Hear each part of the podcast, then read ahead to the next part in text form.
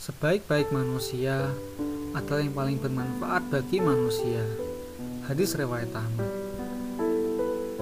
Assalamualaikum warahmatullahi wabarakatuh. Teman-teman yang dirahmati Allah, menjadi pribadi yang bermanfaat adalah sebuah keharusan yang dimiliki oleh manusia, siapa pun orangnya. Ada orang yang dengan ilmunya dapat menjadi pribadi yang bermanfaat. Ada yang dengan karakternya, ada yang dengan sifatnya, ada pula yang dengan hartanya, dan lain-lain. Jika kita memberikan manfaat bagi orang lain, maka manfaatnya akan kembali kepada diri kita sendiri.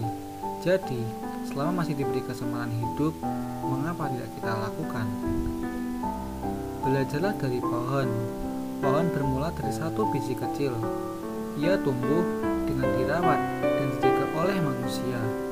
Ia tidak bisa hidup dengan sendirinya, melainkan agar tetap bisa bertahan tumbuh dan berkembang dengan baik.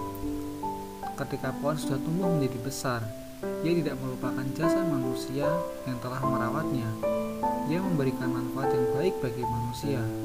Bukan hanya manusia yang merawatnya, manusia lainnya pun ikut merasakan manfaat darinya. Jadi, ia tumbuh kembang demi memberikan manfaat bagi orang banyak. Oleh karena itu, di episode pertamaku ini, aku ingin menyampaikan alasanku membuat podcast ini karena aku ingin menjadi pribadi yang bermanfaat bagi orang lain di sekitarnya.